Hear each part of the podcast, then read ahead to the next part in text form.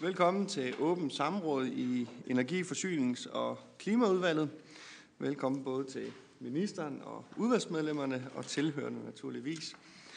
Det er sådan, at øh, vi har øh, et åbent samråd, som er øh, stillet efter ønske af Rasmus Nordqvist og Christian Pold, begge fra Alternativet. Og da det er et åbent samråd, så bruger vi naturligvis korrekt tiltaleform samt mikrofon. Så indledningsvis vil jeg blot øh, give ordet til Rasmus Nordqvist fra Alternativet, som vil præsentere øh, og motivere øh, for samrådet. Værsgo. Jo, tak formand, og tak til ministeren for at komme i samrådet i dag. Øhm, og det er jo indkaldt på baggrund af et 2018, hvor der er sket rigtig meget, når det kommer til klimadagsordenen. Øhm, for det første kan man sige, at hele dagsordenen omkring klima er kommet langt højere op i bevidstheden hos mange. Øh, men jo også, at vi har fået viden, som er ny med FN's klimapanels øh, rapport fra, fra efteråret. Øh, samtidig blev der jo landet et, et øh, energiforlig i øh, sommer, blandt andet Folketingets partier. Regeringen kom så med sin klimaplan øh, i efteråret. Og alt det som baggrund, så, så kom der jo så fra Klimarådet en, en øh, rapport her i det sene efterår, som jo har haft en masse konsekvenser, vi har talt om tidligere samråd. Det er ikke det, det her handler om i dag. Det handler mere om indholdet i rapporten. Og vi har stillet det helt øh, konkret spørgsmål om, hvad vil ministeren konkret gøre her og nu for at undgå, at tempoet i reduktionen af Danmarks drivhusgasudledning i årene 21 til 2030 bliver reduceret til blot en fjerdedel af den nuværende reduktionshastighed, parentes 2011-2020, som Klimarådet, regeringens egen klimarådgiver, vurderer i sin nye rapport, som hedder Status for Danmarks klimamålsætning og forpligtelser 2018.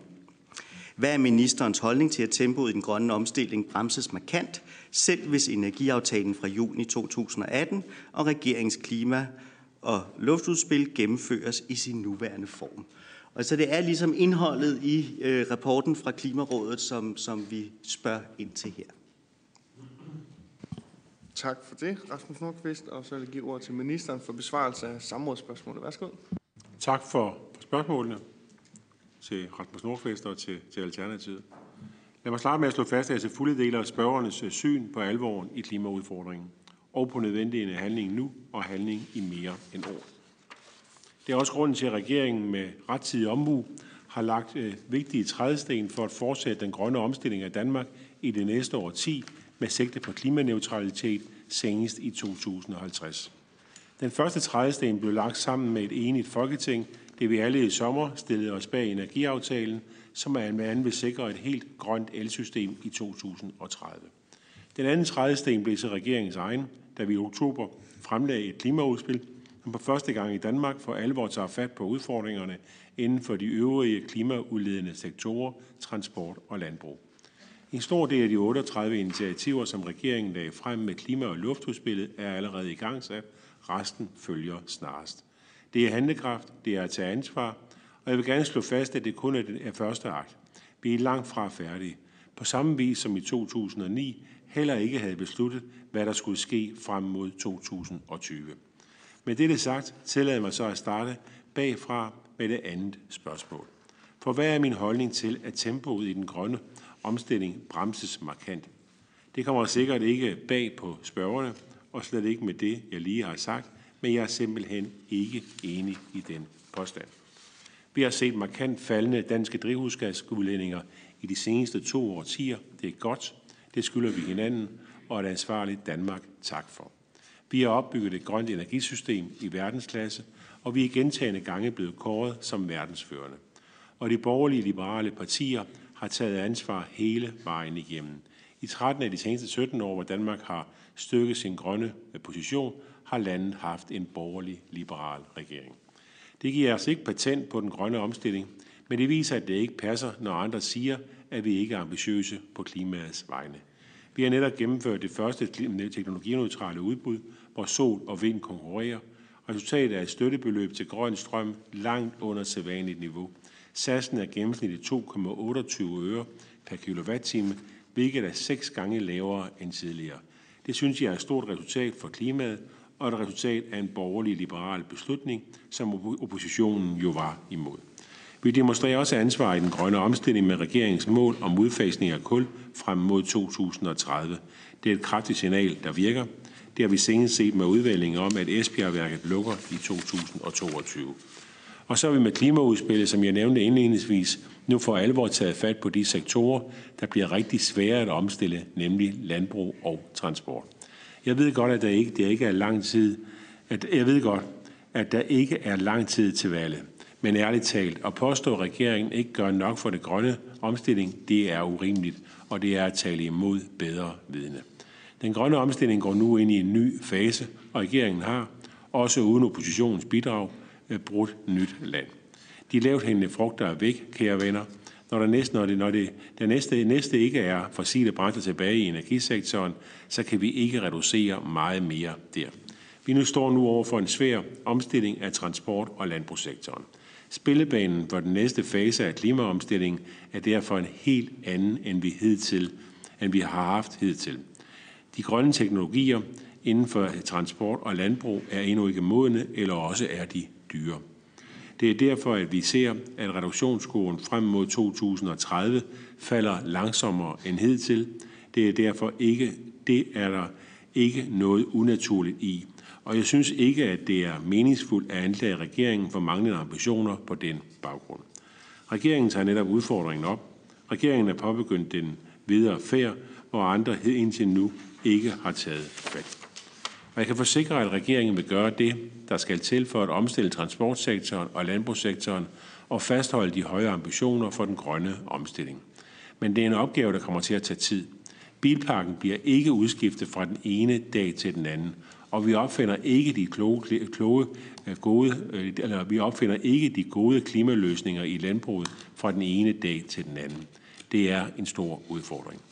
Det skal jeg være den første til at erkende. Det er også derfor, at vi er nødt til at arbejde med fornuftbaserede konkrete løsninger, der giver reelle reduktioner.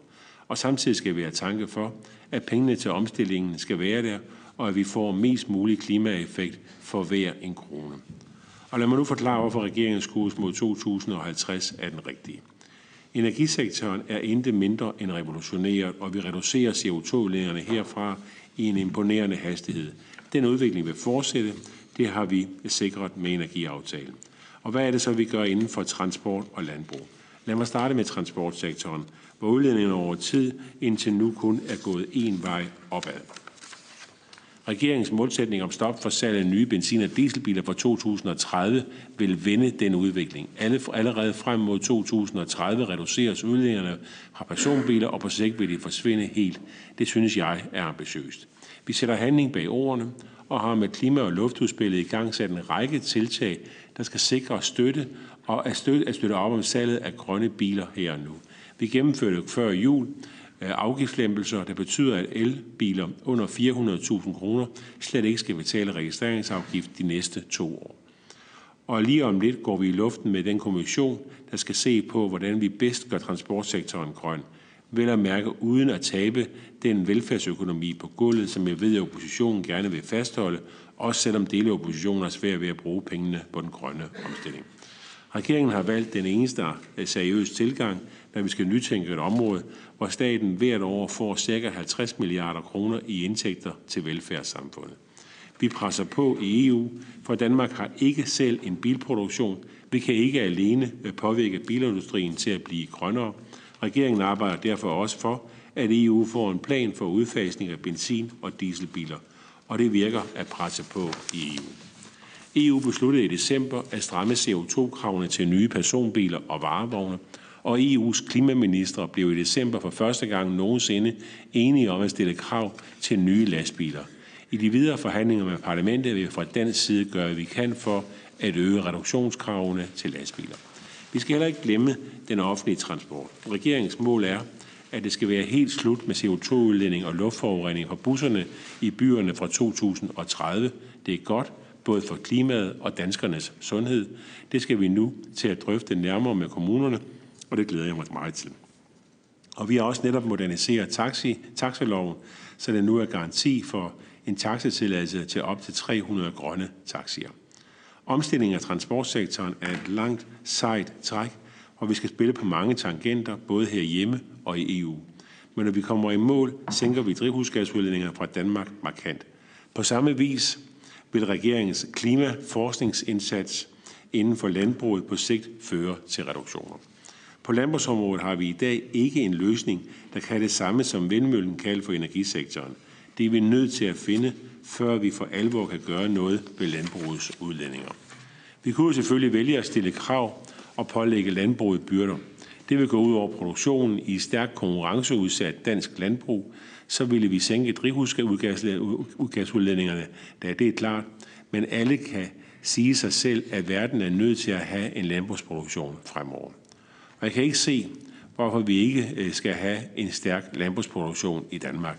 Dels af hensyn til vores økonomi, men også fordi vi dermed kan, skal, kan lave et dansk klimalandbrugslaboratorium, hvor vi udvikler de rigtige klimaløsninger til landbruget globalt. På den måde kan vi også gå foran i den grønne omstilling på landbrugsområdet og eksportere vores erfaringer og løsninger til andre lande. Det synes jeg er meget mere visionært og meget bedre for klimaet på den lange bane, end at begrænse den danske landbrugsproduktion nu og her. Regeringen iværksætter nu en ambitiøs klimaforskningsindsats i landbruget til 90 millioner kroner.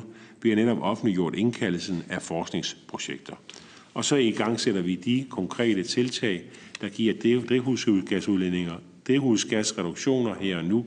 Det gælder for eksempel forbedring af biogasanlæg, udbredelse af luft- og klimavenlig staldteknologi og etablering af en jordfordelingsfond. Endelig presser vi på i EU for en ambitiøs europæisk klimaindsats i landbruget. Der er brug for fælles forskning, udvikling og demonstration på tværs af EU, og der er brug for ensartede rammer for indsatsen. Fælles rammer på EU-niveau vil være med til at forhindre konkurrenceforvridning mellem landene som følge af klimaindsatsen. Det er alle sammen helt konkrete indsatser, som vil medføre betydelige reduktioner og det er på forkant af den næste reduktionsperiode, som spørgerne henviser til.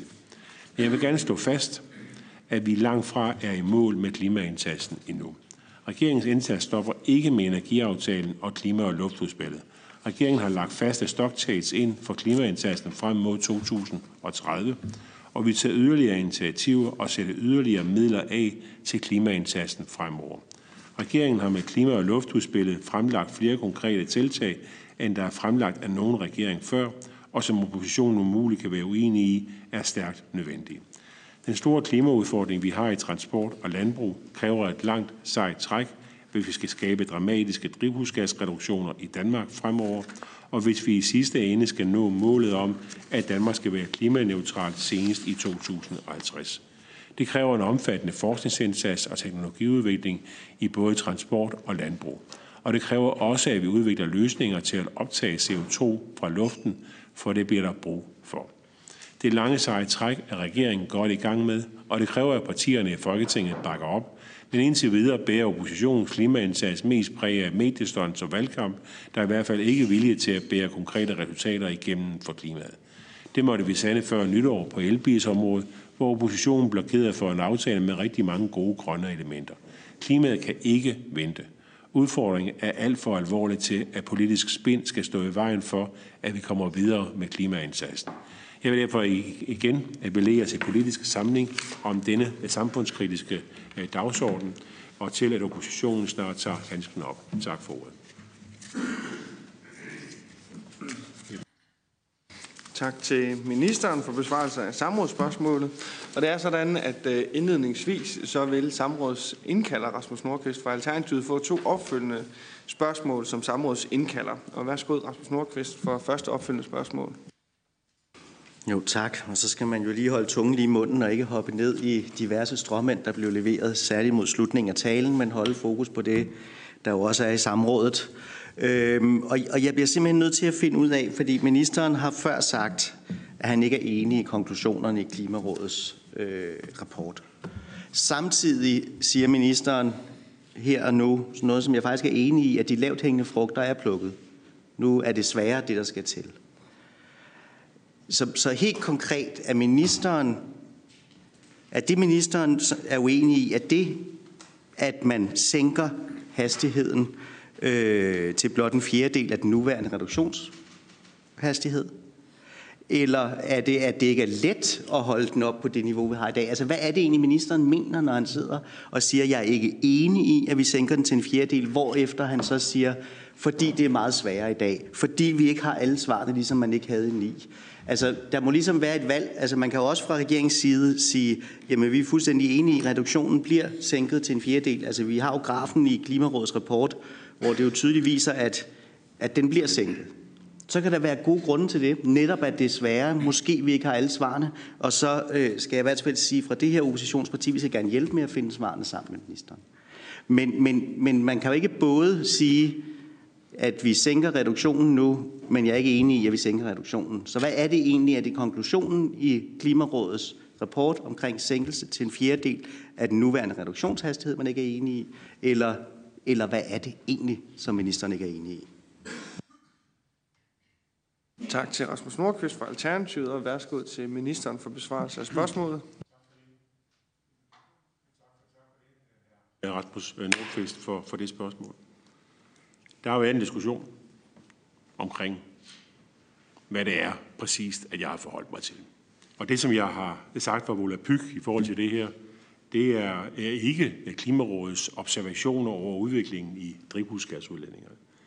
Den graf, som var i den seneste rapport, den var stort set enslydende med den rapport, der var i graf, undskyld, ja, rapport, graf, der var i regeringens eget klimaudspil. Det opgør, hvor store er CO2-reduktionerne i perioden fra 10 til 20, og hvordan i forhold til det udspil, der er for, fra regeringen, vil det være i perioden fra 20 til 30. Det, den graf er jeg enig i. Det skal der ikke være nogen tvivl om. Det er faktuelt. Og det er jo fordi, at øh, en række af de øh, lavt hængende forslag, der har været, blandt andet øh, reduktionerne, som er følge af det, der er sket, ikke mindst på, på energiområdet, hvor vi jo har fået masser af biomasse ind i vores energiproduktion i perioden fra 10 til 20. Det har ført til et markant fald i CO2-reduktionerne i den periode. De lavthængende frugter i energisektoren, de er høstet. Vi står nu foran den svære opgave. Det er landbrug, det er transport, det er dels også bygninger i en eller anden udstrækning, men i hvert fald først og fremmest landbrug og transport. Det anerkender jeg også. Der, hvor jeg ikke er enig med Klimarådet, det er ambitionsniveauet i regeringens klimapolitik. Hvor jeg jo kan konstatere, at det er således, at med de udspil, der ligger fra regeringen af, både energiudspil og klimaudspil, så leverer vi til fulde massivt med CO2-reduktioner og klimaindsats. Men vi må bare erkende og sige, at de lavthængende frugter, de er, de er plukket. Men, det betyder, men, men jeg er ikke enig i, at, at, vi ikke er, at det ikke er ambitiøst, det regeringen er kommet med energiaftalen, den seneste energiaftale, som jeg var glad for, at Alternativet også er en del af, hele Folketinget er med, jeg synes faktisk giver den en, en kolossal styrke, reducerer jo i perioden, eller leverer, må man ellers sige, CO2-reduktioner på mellem 10 og 11 millioner tons øh, fra øh, 2020 til 2030. Øh, og det er på samme niveau som den aftale, som blev gennemført i 2012. Dertil kommer regeringens klimaudspil. Alt afhængig af, hvordan man vurderer transportens andel der, så er det mellem 27 og 32 millioner øh, tons, øh, som øh, regeringens klimaudspil leverer. Det synes jeg stadigvæk, og det vil jeg jo fastholde, og det kan jo selvfølgelig være med forskel på, hvad det er for øjne, der ser på det. Det vil jeg stadigvæk fastholde som, som meget ambitiøst. Tak for ministerens besvarelse af første opfølgende spørgsmål, og værsgo til Rasmus Nordqvist for det andet opfølgende spørgsmål. Hvis man er enig i grafen, så er man jo også enig i, at med det, der er lagt frem, som jo er regnet ind i den her graf, både energiaftale øh, og øh, forslag til klimaplan, jamen, så er man jo enig i, at vi ser en, at reduktionen bliver blot en fjerdedel af den nuværende reduktionshastighed. Så skal vi have gang i nye redskaber, når det ikke er godt nok. Fordi ellers så er det jo, vi står i 2030, og hvis vi så bare følger det mål omkring netto øh, nuludledning 2050, så har vi jo lige pludselig rigtig travlt. Og hvis vi har høstet lavt hængende frugter øh, før 2020, og nu skal i gang med at finde nogle svære frem mod 2030, så bliver det jo godt nok også sværere fra 2030 og frem.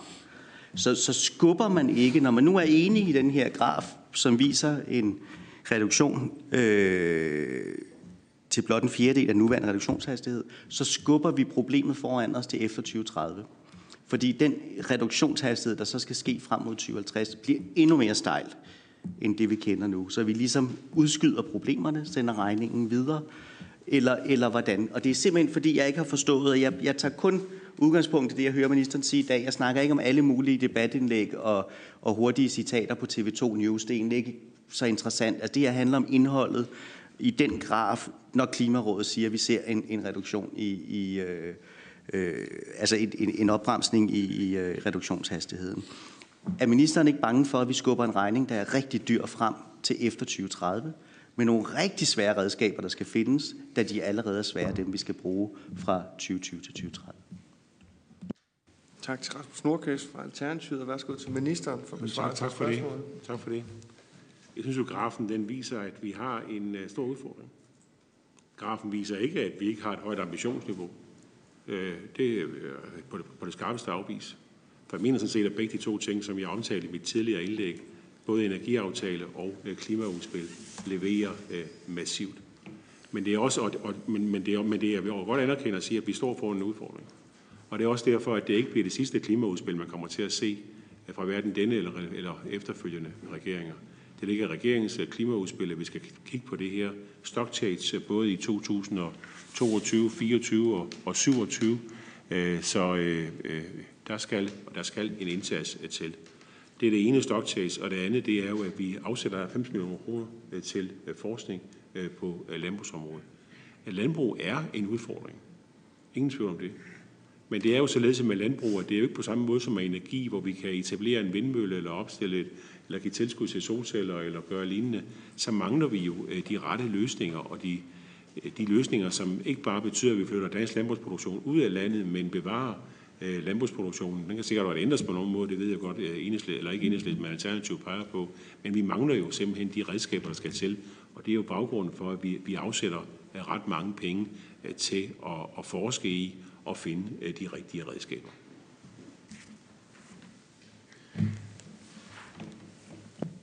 Tak til ministeren for besvarelse af spørgsmålet. Vi går over til den øvrige talerække. Og første spørger på listen, det er Christian Pold fra Alternativet. Værsgo.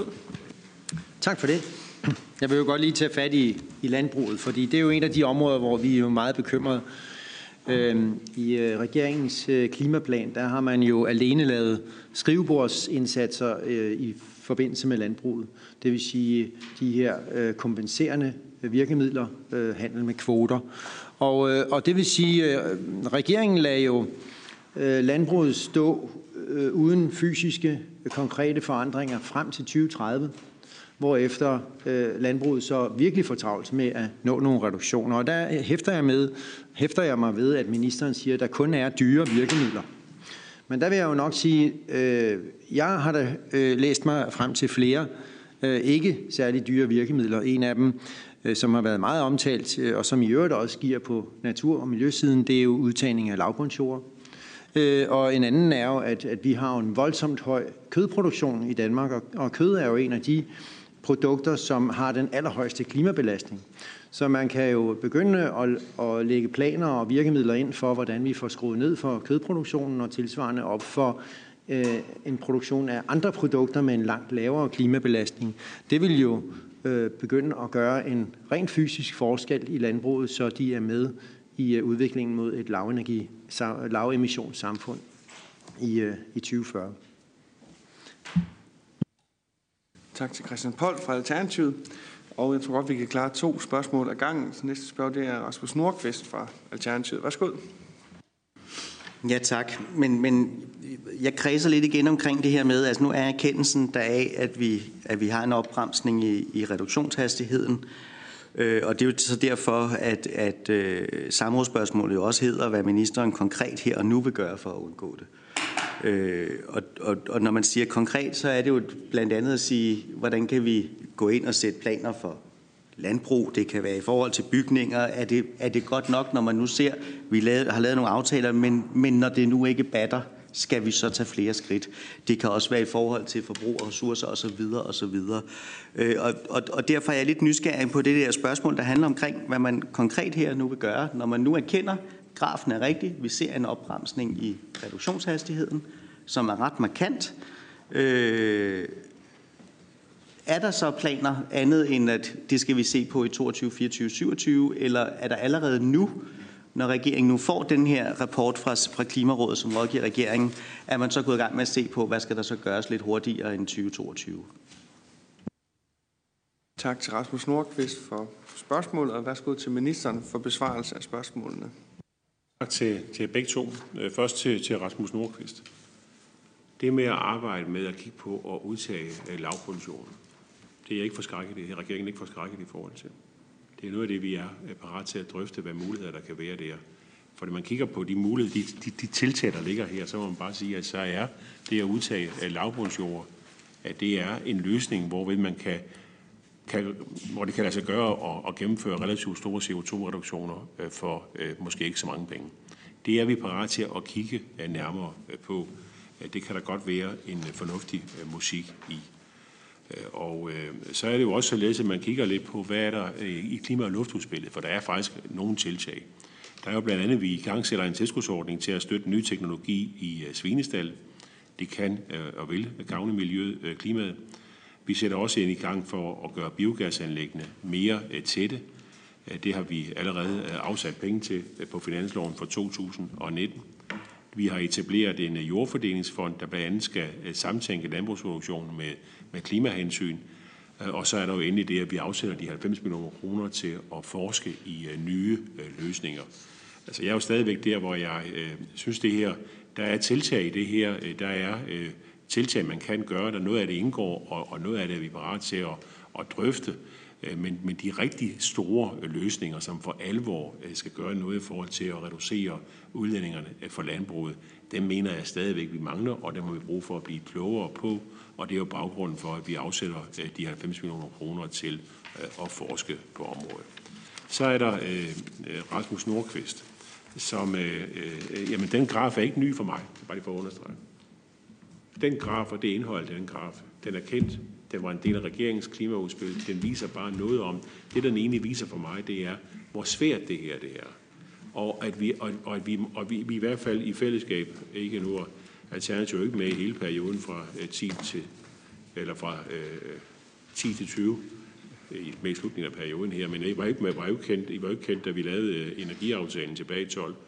Altså nogle af de her tiltag, som både er en del af energiaftalen, men som også er en del af den generelle førte energipolitik i Danmark, har jo været tiltag, ikke mindst i forhold til, at der er kommet mere øh, biomasse. Det ved jeg jo så alternativt ikke er så øh, positivt stemt i forhold til, men det er jo, øh, det er jo ikke mindst biomassen, som er, er en væsentlig årsag til, at vi har kunnet udfase fossil energi fra dansk energiproduktion. Og så er der enige i, at der kommer til at skal yderligere tiltag til. Vi er kommet med et omfattende klimaudspil, øh, meget omfattende, altså, som jo leverer samlede reduktioner, altså mellem 27 og 32 millioner tons, og som jo også øh, i forhold til øh, at have en effekt, fordi det vil jo have en, det er jo klart effekten af, af udfasning af benzin- og dieselbiler. Når vi det øh, mål i 2030, så vil det jo give en kraftig effekt, ikke mindst efter øh, 2030. Øh, og dermed jo også i forhold til at nå målet om at være CO2-neutrale i 2050. Så, øh, og så ligger det jo, som jeg har sagt ved, ved tidligere her, i øh, planen, at vi skal øge, øh, kigge på at øge og hvad nye muligheder der er i tre gange i løbet af 20'erne. Og jeg har også en helt klar forventning om, at EU kommer til at øge sit ambitionsniveau i 2030.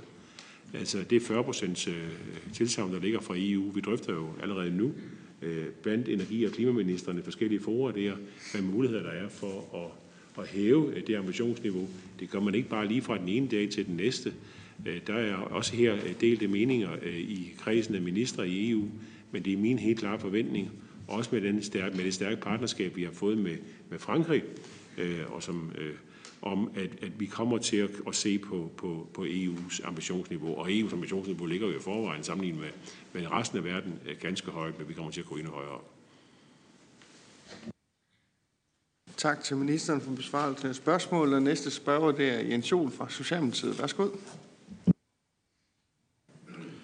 Tak for det. Tak til ministeren for at stille op her i dag. Øhm, jeg vil egentlig godt tage fat i det der med, hvordan vi, altså hvad det er, regeringen forestiller sig, der skal, der skal gøres, fordi at uanset hvor mange gange ministeren stamper i jorden og siger, at det er meget ambitiøst, så er det jo også et spørgsmål om, hvordan man anskuer det. Og ministeren nævnte i sin besvarelse her før, at man kunne også godt kigge på eksempelvis bygninger. Så mit første spørgsmål handler egentlig om, hvorfor fylder bygninger ikke noget i den diskussion i det klima- og luftudspil, som regeringen er kommet med, øh, når vi ved, at det øh, er en meget, meget stor del af vores energiforbrug, og i øvrigt en vigtig forudsætning for, at vi kan integrere store mængder af vedvarende energi, at vi har en, en godt isoleret og, og velfungerende bygningsmasse. Så det var det ene spørgsmål. Hvorfor har man gjort det? Man kan jo sige, det er måske yderligere skærpet af, at vi har en række danske erhvervstopchefer, som har været ude og kritisere regeringen for ikke at have nogen ambitioner på det her område, og, og sige, at de frygter, at den kurs, regeringen har slået ind på, vil sætte vores grønne førerposition over styr.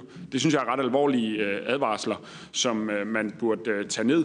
Ikke bare på grund af klimaet, men jo også på grund af de arbejdspladser, der er på højkant her. Og så i forhold til landbruget, som jo åbenlyst er en anden meget stor del, så må jeg sige, jeg kan ikke fortænke nogen i, at det, de hører ministeren sige, det er, at man skal også gøre noget, men vi vil helst vente så længe som muligt med at begynde at snakke om, hvad det er, vi eventuelt skal gøre, og at man derfor skubber opgaven foran sig. Øhm, så kan ministeren ikke sige noget om præcis, hvor mange reelle CO2-reduktioner forestiller man sig egentlig, dansk landbrug skal levere fra 20 til 30, sat i forhold til, hvad det er, man skal levere fra 30 til 50? Fordi vi er jo enige om netto 0. Altså vi er enige om, at vi skal ende i ingen udlænding i 2050. Og der tror jeg, jeg er enig med mine kollegaer i Alternativet om, at den opgave, det ser ud som om, man løser en meget, meget lille del af den fra 20 til 30, og det er det, vi er bekymret for. Øhm, så kan ministeren ikke komme med nogle tal på, hvor meget regeringens plan egentlig kommer til at reducere i landbruget? Og her taler jeg ikke om, om fleksibilitetsmekanismer og kvotekøb og andre ting, som kan være gode i nogen sammenhæng, men reelle reduktioner i dansk landbrug. Tak til Jens Jol fra Socialdemokratiet. Næste spørger på listen, det er Christian Pold fra Alternativet. Værsgo. Tak. Jeg vil godt lige følge op og for det første sige, øh, øh, det er da spændende at høre, at regeringen gerne vil drøfte udtagning af lavbundsarealer, fordi det er jo et rigtig godt og velkendt virkemiddel, som vi øh, har, har presset på med fra hele oppositionen i, i, øh, i alle årene herinde, så det er positivt. Øh, så nævner ministeren, at der jo er tiltag af konkret karakter i regeringens udspil. Øh, den med stallene, den handler om ammoniak, og det vil sige opfyldelsen af det, der hedder NEC-direktivet, National Emissions Ceiling-direktivet, som vi jo skal leve op til. Og derfor er det jo en, en indsats, som alle regeringer skal lave, når man sidder ved magten. Øh, den, der er sådan set ikke noget ekstra i den indsats. Så det andet, det handler om at tætne nogle af de biogasanlæg, som har vist sig at være utætte. Det vil jeg også kalde en, en basisindsats, øh, som man ville skulle tage sig af i alle tilfælde. Stadigvæk er det sådan, at, at jeg ser ikke nogen væsentlige initiativer, der starter den egentlige omstilling af landbrugets måde at agere på og producere på. At, øh, at øh, reducere en klimabelastning frem mod 2030. Det er en udskydelse af problemstillingen. Og jeg hørte heller ikke ministerens øh, kommentar til det her med balancen mellem at producere kød, som er voldsomt klimabelastende i forhold til at producere andre produkter i landbruget, som kan være en fin forretning, men har en meget lavere klimabelastning. Så det vil jeg gerne høre ministerens kommentar til. Tak til Christian Pold fra Alternativet, og værsgo til ministeren for besvarelse af spørgsmålene. Tak til, til jer begge to, både Jens, Jens Jol og, og Christian Pold.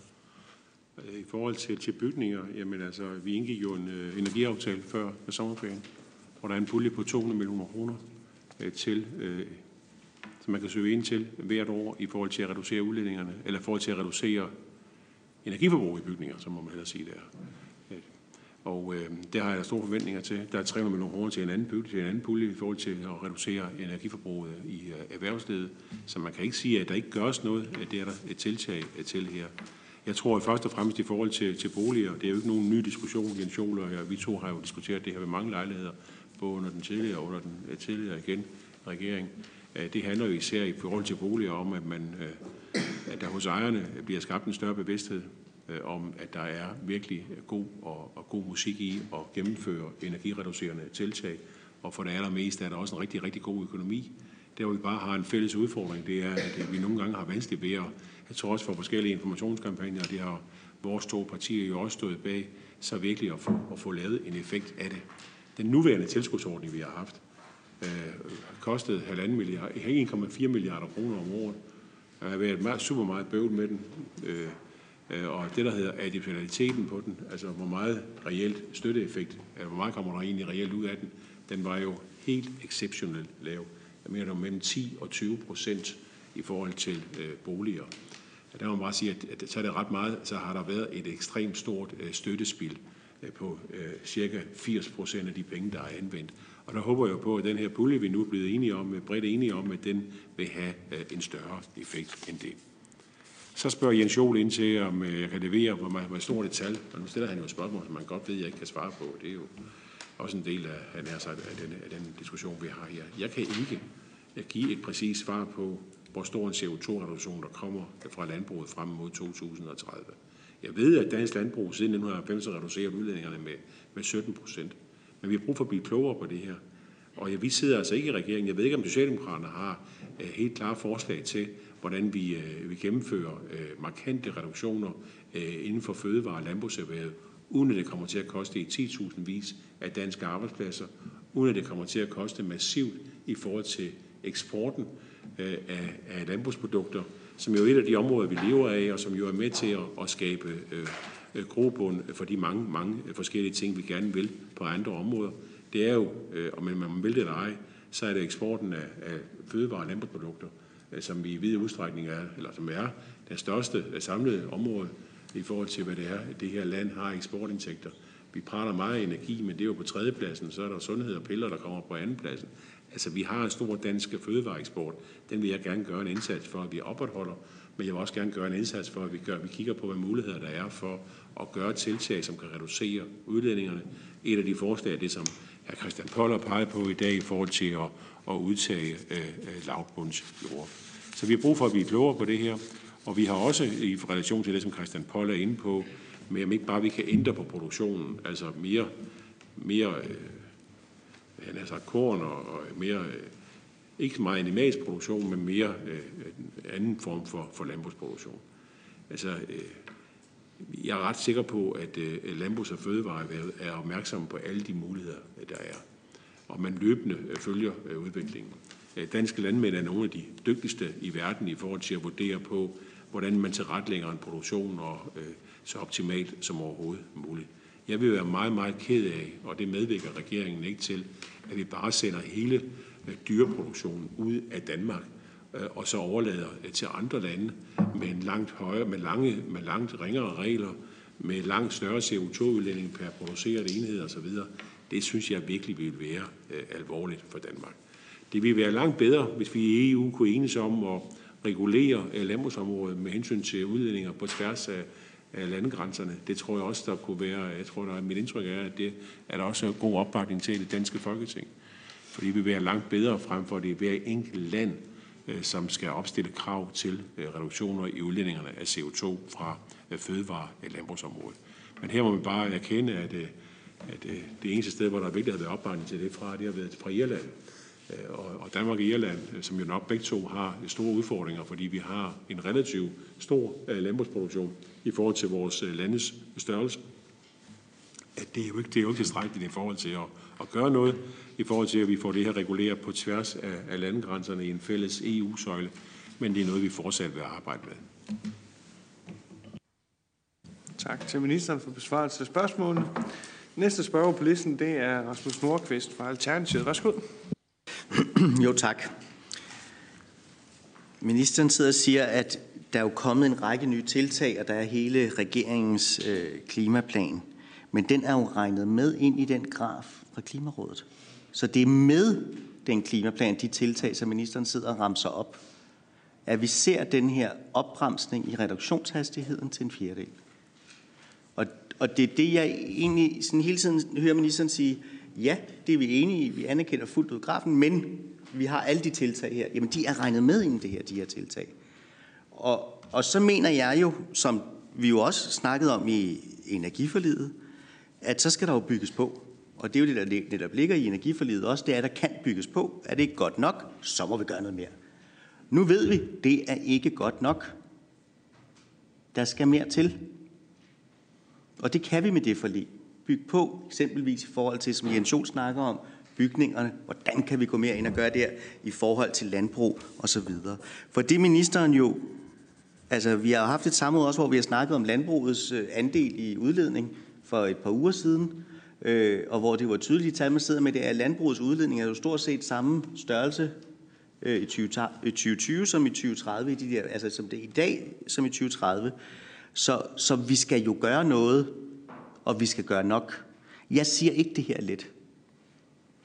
Men hvis man anerkender den rapport, og jeg hører ministeren sige, at den graf er fuldstændig rigtig, men helt, det er ikke den, man er uenig i. Det er måske mere, hvordan det bliver i talesat. Men der er en opbremsning til en fjerdedel reduktionshastigheden. Vi har IPCC-rapporten, som jeg også ved, ministeren blev rigtig bekymret, da han fik på sit skrivebord. For det har vi også haft debatter om og diskuteret mange gange. At det er virkelig en, en stor opgave, vi har foran os. Hvorfor går man så ikke i gang nu? Hvorfor er det, man sidder og diskuterer om, at vi, vi har allerede gjort de her ting? For alt det er regnet med. Det er nye tiltag, der skal på bordet konkret. Så igen, hvad vil ministeren konkret gøre her nu for at undgå, øh, at tempoet i reduktion af Danmarks drivhusgasudledninger reduceres til blot en fjerdedel? Det er det, der er det vigtige spørgsmål, som jeg synes, ministeren skulle, skulle øh, komme ind i kamp og sige, vi har ikke svarene på det. Vi vil gerne i dag gå i gang med at, at finde ud af det sammen. Det er et godt svar at komme med os. Jeg siger ikke, man skal have alle svarene, men i hvert fald anerkende, at vi står med en kæmpe udfordring. Tak til Rasmus Nordqvist fra Alternativet, og næste spørger på listen, det er Jens Jol fra Socialdemokratiet. Værsgo. Tak for det. Siger ministeren, at jeg stiller et spørgsmål, som jeg godt ved, han ikke kan svare på i forhold til, hvor store reduktionerne er. Altså det, det var faktisk ikke ment som sådan øh, et trickspørgsmål, fordi jeg kan jo bare stille det skriftligt, hvis jeg gerne vil have et eller andet bestemt tal, men, men jeg synes alligevel, det er sigende for diskussionen, fordi det jeg godt kunne tænke mig, at regeringen, når man nu lancerer det, man selv kalder det mest ambitiøse klimaudspil nogensinde, så kan man jo godt spørge, hvad forventer regeringen egentlig er reduktionen i dansk landbrug? Man kan jo ikke gætte, om landbruget kan finde på noget, der er endnu bedre, om de kan komme endnu længere i deres teknologiudvikling, om de kan overgå vores forventninger. Det håber og tror jeg faktisk, dansk landbrug kan.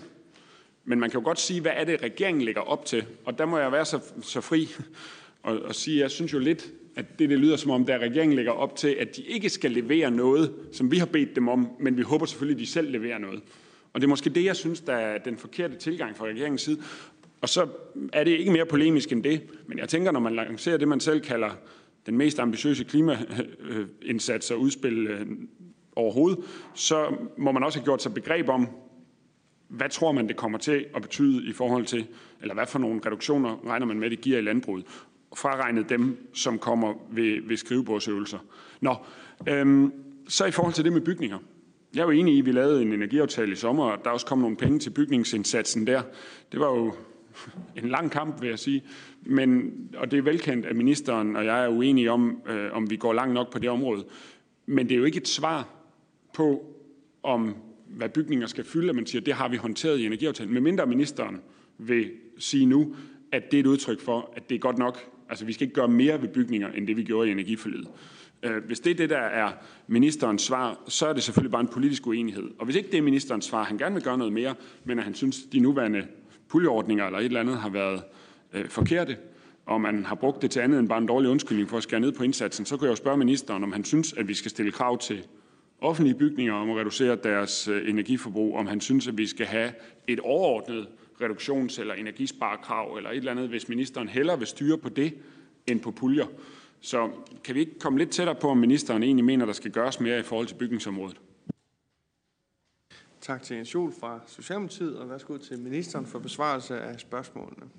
Tak for, tak for spørgsmålene. Til, til Rasmus Nordqvist. Jeg vil gerne sige og erkende, vi står foran en kæmpe udfordring. Det gør vi i Danmark, det gør vi i verden. Og det er, den del af det er jeg meget, meget enig i. Og jeg er også meget optaget af, at vi prøver i fællesskab at finde de rigtige løsninger. Men i forhold til de to områder, både transport og landbrug, det er områder, det er vanskeligt at håndtere. Regeringen har jo kigget på udfasning af benzin, og ikke kigger på, men det går jo regeringens øh, klimaudspil, udfasning af benzin- og dieselbiler øh, senest i, 2000, eller i 2030. Det er også noget, som jeg... Det kan godt være, at vi gør det hurtigere, det vil jeg ikke afvise. Øh, men, men i hvert fald er det en ambition, vi er, vi er fælles om. Vi ved også, at det kommer man ikke bare lige, det kommer man ikke sådan bare lige, det afhænger jo af en teknologiudvikling. Og der er også en række andre udfordringer forbundet med det. Teknologiudviklingen, den må nok løses i bilfabrikkerne og ved dem, der har forstand på det. Og så er der andre udfordringer, dem håndterer vi jo ved, at vi de her inden for meget få uger øh, nedsætter en transportkommission, altså, som jo kommer til at se på, hvordan, hvordan håndterer vi den udfordring, vi står foran på transportområdet.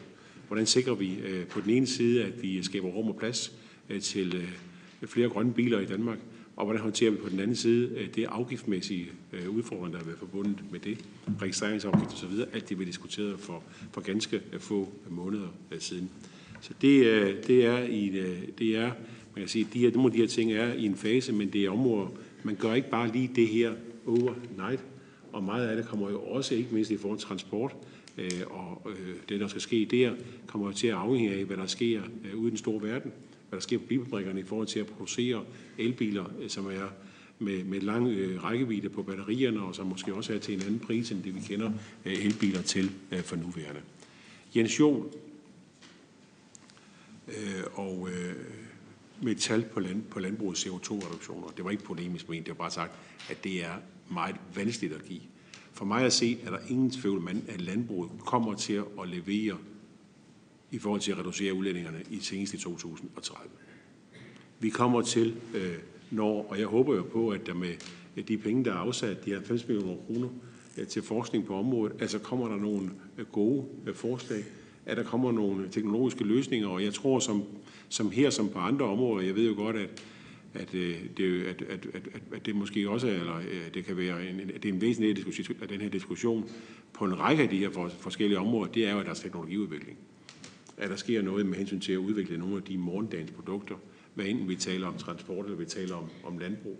Og derfor er jeg også stadig ud over de 90 millioner kroner til, til landbruget, at vi jo også er enige om, til forskningen der, at vi også med energiaftalen er enige om at øge øh, forskningen på energi og, og klima øh, til øh, en milliard i 2024. Det er også noget af det, der bør og skal bidrage til, at vi fra dansk side af finder ud af nogle af de løsninger, der skal til, og hertil kommer jo også, at vi arbejder på, at det også EU, og det gør EU heldigvis, afsætter ret betydelige penge til forskning på både energi og klima, i forhold til at finde ud af, hvad er det for nogle løsninger, der skal til for at løse øh, den udfordring, øh, vi står overfor øh, i hele verden med hensyn til at finde mere klimavenlig produktion og mere klimavenlig transport. Så Jens Jol er inde på det her spørgsmål om bygninger. Og det er klart, jeg vil godt, jeg synes, vi har øh, en generel udfordring, og det er jo ikke mest i forhold til det eksisterende byggeri. En ting er, at vi stiller nogle krav til nye bygninger med bygningsreglementer osv. Det har vi jo øvrigt gjort i øh, bred enighed i Folketinget, øh, og der har der været enighed om. Men vi har en udfordring i forhold til det eksisterende byggeri, ikke mindst den ældre boligmasse. Måske i særlig grad i virkeligheden i forhold til nogle af de huse, der er bygget i 60'erne og 70'erne, hvor der er et stort behov for at få gjort noget i forhold til at isolere. Det er jeg sådan set villig til at diskutere med Folketingets partier, også i energiforligskredsen. Hvad kunne der være? Er der nogen, der har gode idéer der? Altså, jeg tror ikke, det alene handler om penge, fordi ofte så er der faktisk en rigtig god økonomi forbundet med øh, for en husholdning øh, at, at gøre nogle af de her tiltag, men der er bare mange, der ikke får det gjort. Og jeg er også, jeg er også villig til at diskutere det her i forhold til offentlige bygninger, fordi der har, der, der har øh, I da en pointe, at der er der en udfordring, også i forhold til de offentlige bygninger, hvad enten det er øh, i statens regi, eller det er, der er handlingsplaner for noget af det, men noget af det her var der områder, hvor der også skal kigges på. Øh, jeg er der også nogle gange, når kommer rundt og kigger på skoler og andet, så er der mange steder, hvor der godt kunne være brug for, at man også lokalt havde det større fokus på at, at få gjort noget i forhold til tiltag, der kunne reducere øh, energiforbruget og dermed også øh, udlændingerne. Og det er noget, som vi har en løbende debat om, og det håber også, vi kan fortsætte med at have i, nu kan jeg jo sige energiforligskredsen, fordi det er jo, det er jo heldigvis, det er jo sådan, det er hele Folketinget. Tak til ministeren for besvarelse af spørgsmålene. Næste spørger på listen, det er Christian Pold fra Alternativet. Værsgo, Christian. Tak for det.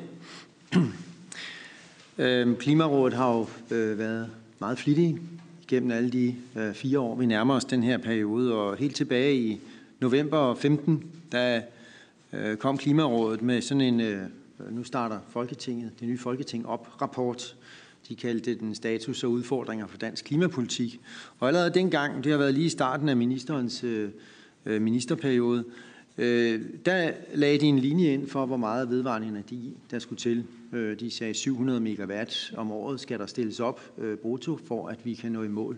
Og, og, og, og derfor så, nu har ministeren et par gange nævnt øh, øh, energiaftalen, som vi jo alle sammen er med i. Øh, hvis jeg sådan lige regner øh, hurtigt sammen i den, så er der 3 gange 800 megawatt, det er 2400, og så er på havvind, og så er der 200 megawatt på landbaseret, og det var rigtig fint, den blev meget højere. Vi havde faktisk forventet at kun at få 40 megawatt ud af den. Men så er vi oppe på 2600 megawatt på 10 år, det vil sige 260 megawatt om året. Det er jo stadig en brøkdel af, hvad Klimarådet allerede i 15 sagde, vi skulle lægge ind af årlig udbygning øh, for at komme i mål. Og det er jo derfor, at vi i energiforhandlingerne har presset på for at få en havvindmøllepark om året. Øh, altså 10 havvindmølleparker frem mod 2030. Øh, hvad mener ministeren, der kan lægges oven i øh, energiaftale, og, og hvad, hvad øh, regeringen ellers er kommet med, for at sikre, at vi får den, det nødvendige tempo i omstillingen? Fordi det handler jo ikke om at gøre noget, det handler om at gøre nok per år for at få lavet den nødvendige omstilling til for eksempel et vedvarende energisystem og et lavemissionssamfund. Tak til Christian Pold. Næste spørger på listen det er Rasmus Nordqvist fra Alternativet. Værsgo. Ja, tak. Det er altid godt, når man begynder sådan at, at bevæge sig i samme retning, så man kan begynde at have en samtale. Altså når man står hver sit sted og snakker til hinanden, hvor det virker som sort fra hver sin side, så, så, så kan det nogle gange være svært. Og nu, nu øh, kan jeg forstå så meget på ministeren, at, at øh, vi er enige om, at vi står med en kæmpe udfordring nu, fordi vi ikke gør nok. Og hvad skal der så til? Jamen, øh, kunne man så forestille sig at kigge videre, eksempelvis på den sidste del af, hvordan er det, vi producerer vores energi også? Øh, vi har stadigvæk jo øh, også produktion af olie og gas i Danmark. Skal man begynde at kigge på det? Hvad er det egentlig, det giver statskassen? Hvordan kan vi lave en udfasning af vores afhængighed af det? Øh, skulle man se på øh, forbrug af ressourcer i almindelighed? Øh, er der andre måder, man skal gå ind og kigge på de her ting? Når vi nu står og kan se, at reduktionshastigheden falder til en fjerdedel, og det bliver rigtig svært efter 2030 for at nå målet i 2050, så skal vi jo begynde at se på mere, i stedet for kun at se på det, vi har gjort før, altså nu er vi gået i gang med at kigge på transport, landbrug, bygninger. Altså, hvad er de næste skridt? Det kunne jeg godt tænke mig at høre igen, fordi at det er et meget simpelt spørgsmål, der står i samrådet netop. Hvad vil ministeren konkret gøre? Er det blandt andet at se på nogle af de redskaber? Tak til Rasmus Nordkvist fra Alternativet, og værsgo til ministeren for besvarelse af spørgsmålene. Tak for det. Tak til ja, begge to. Til Christian Pold først. Det er jo bare et eksempel på, at når vi siger tre havvindmølleparker, så siger du 10. Bare sådan lige løsagtigt i forhold til, hvad, det betyder i forhold til, hvad det er for en, for en elproduktion, der vil være. Jeg mener sådan en park, øh, som vi nu er i gang med at kigge på, og som vi jo så i øvrigt øh, i fællesskab er ved at finde ud af, hvor skal ligge henne den første af de tre parker. Så vidt jeg orienteret, så er det et elforbrug, der svarer til mellem 800.000 og million forbrugere per park. Det vil sige den første park. Så hvis jeg så bygger 10, det er så 10 millioner husstande, godt og vel, eller det, der, det lav der omkring, der skal forsynes fra, for de 10 havvindmølleparker. Det er bare for at nævne, det er jo det, det, er jo det der, der bliver sagt her. Ikke? Hvor, skal, hvor, skal vi bruge al den, hvor skal vi bruge al den el hen? Altså, øh, hvordan skal vi håndtere det? Jeg er i gang med i øjeblikket at, at kigge på, hvordan vi skal forstærke nettet i Vestjylland. Jeg oplever ikke lige alternativer de mest aktive i den diskussion. Øh, I forhold til, hvordan vi håndterer det, det kan man så se forskelligt på, men jeg vil bare sige, at det, det kommer man ikke. Man håndterer ikke bare lige 10 havvindmølleparker. Men omvendt vil jeg sige, i takt med, at prisen er jo ved at blive mere og mere konkurrencedygtig, så kan vi efterhånden måske slippe for det i virkeligheden også, og kan sidde og beslutte for, hvor meget der skal udbygges med, fordi at, at markedet kommer til at skabe mange af de her øh, løsninger. Men skulle man endelig fortsætte skulle etablere 10 havmøllemølleparker, og vi så også skulle håndtere, øh, han har sagt, hvordan vi skulle infrastrukturmæssigt over de næste 10 år skulle håndtere det, det, det tror jeg vil være øh, ganske, ganske øh, øh, vanskeligt. Jeg synes, vi har lagt os med et højt ambitionsniveau, når vi kommer frem til 2030 med hensyn til udbygning med havvind så har vi 100% grøn el. Altså, eller, eller rettere sagt, så producerer vi så meget grøn el i Danmark, at vi kan dække hele vores forbrug øh, på el. Det synes jeg faktisk er en, en ret øh, flot ambition at have. Og det er jo ikke bare en ambition, det er jo noget, vi når helt konkret øh, i mål med. Og udfordringen for os, det bliver jo at håndtere, hvordan vi håndterer det, han har sagt, i vores net, som jo bliver en diskussion, vi kommer til at få alene bare også for at håndtere de tre pakker, men i det hele taget for at håndtere øh, den elektrificering, vi er på vej ind i, med også på transportområdet, hvor det jo også kommer til at kræve øh, massive investeringer i. Det er jo ikke nok bare at sige, at man kan ikke bare lige tage en havvindmøllepark om året. Der er nogle effekter af det, vi også er nødt til at, at forholde os til. Men tak for budet. Øh, det er godt, at der Men øh, jeg synes, man også i det her er nødt til også at have en, en tilgang til hele det her område. At man skal være ambitiøs, men man skal også være det på en måde, så det er realistisk og, og også gennemførligt, Øh, og øh, de ting, man foreslår. Så spørger øh, Rasmus Nordqvist til, hvad er det, vi skal i gang med? Hvad er det, hvad er de næste tiltag? Jamen, vi kommer jo til, altså transport er jo et af dem, ikke? Altså, vi har nedsat transportkommissionen. Vi kommer til at kigge på, hvordan vi gør det her. Det gør vi både i forhold til, hvordan vi får nær sagt, det til at rulle med hensyn til vores øh, afgifter. Det gør vi også i forhold til infrastrukturen, så vi sikrer, at man kan få lavet sin elbil, uanset hvor man er henne. Og det er også baggrunden for, at der i energiaftalen er afsat 4 gange 20 millioner kroner øh, til at håndtere øh, den del af det. Og så kommer vi der øh, også til at kigge på, på landbrugsområdet. Altså det er der slet, for mig slet ikke nogen tvivl om. Men der handler det jo om for regeringen, at vi skal have de rigtige redskaber til det, og det er jo derfor, vi afsætter 90 millioner kroner til at, at forske og udvikle på området. Tak for ministerens besvarelse af spørgsmålene. Og så vil jeg give ordet til Rasmus Nordqvist for øh, afsluttende bemærkninger som samrådets indkalder. Værsgo, Rasmus Nordqvist. Ja. Nogle gange sidder man sådan her samråd, og så starter man ud sådan lidt frustreret, og så lige ser man sådan en lys og tænker, gud, vi bevæger os, og så, så falder man helt tilbage igen hen mod slutningen. Det er jo ærgerligt. Fordi alt det, ministeren sidder og nævner om, vi skal gøre, det er indregnet i den graf, der er i rapporten fra Klimarådet, der viser, at vores reduktionshastighed falder til en fjerdedel. Og det er det, jeg spørger ind til. Hvordan er det, vi kommer videre? Så kommer vi med nogle forslag, så siger ministeren, det er rigtig svært, der er mange ting, man skal tænke over. Ja, det er det, der er opgaven. Det er det, der er opgaven, hvis vi skal leve op til det, vi gerne vil. Og ellers er det, at vi skubber regningen foran os til senere. Opgaven bliver skubbet til efter 2030, hvis ikke vi handler. For alle de tiltag, ministeren har snakket om i dag, de er indberegnet i det her. Fordi den her rapport er lavet efter energiforlidet, den er lavet efter regeringens klimaplan, og den her graf er ud fra, at det hele bliver til noget. Det hele bliver tip-top. Og det er der, hvor jeg simpelthen ikke forstår, at, at ministeren så bare sidder og siger, hvor svært det er. Ja, så lad os da komme i gang. Så lad os komme i gang med de næste skridt også. Et er, at vi går og ser, hvad vi har besluttet tidligere. Det skal selvfølgelig køre. Det skal i gang. Men hvad nu med de nye tiltag, så vi ikke oplever, at vi bare skubber en opgave videre til efter 2030, til dem, der kommer efter os. Jeg synes, at det er meget mærkværdigt, at man på en og samme tid kan sige, at vi er fuldstændig enige i, at vi går ned på en, til, at vi reducerer til blot en fjerdedel af den nuværende reduktionshastighed, og samtidig siger, det er derfor alt det, som er regnet med, det er rigtig godt, det vi gør. Hvad er der af nye tiltag? Og det er den opgave, jeg synes, ministeren faktisk burde synes øh, var den vigtigste lige nu, det er, at vi skal bygge på. Så jeg, jeg tror egentlig, jeg vil spørge igen konkret, og ikke alt det, der er besluttet, det er regnet med. Hvad vil ministeren gøre konkret, for at vi ikke oplever den øh, opbremsning i reduktionen? Tak til Rasmus Nordqvist fra Alternativet for de afsluttende bemærkninger. Værsgo til ministeren. Tak, tak for, for samrådet her, øh, og tak for spørgsmålene. Og så vil jeg sige i forhold til, hvad vi vil gøre, jamen altså det ligger jo i uh, vores udspil, at vi uh, i 2022, 24, 27, at der skal man uh, kigge på, hvordan det er vi nået. Og så er der også, altså jeg, jeg er i tvivl om, der er, kunne være et enkelt eller to andre EU-lande, som er lige så langt som Danmark med hensyn til at have en fast plan for, hvordan vi håndterer øh, udfordringen frem mod 2030. Vi lever til fulde med det, der ligger. Der lever vi, leverer vi en plan, som leverer på den øh, forpligtelse, vi har i 2030. Det, det, det synes jeg faktisk er ret godt gået. Den plan havde vi allerede to år, halvandet år før forpligtelsesperioden går i gang, der vi leveret og vist, hvordan vi har en sti til at kunne håndtere øh, udfordringen frem mod 2030. Det er jeg i hvert fald er ganske godt tilfreds med. Og jeg synes også, at øh, selvom jeg godt kan fornemme, at øh, nogen gerne vil tale både energiaftale og klimaudspil ned, så er jeg faktisk øh, stolt på Danmarks vegne over vores energiaftale.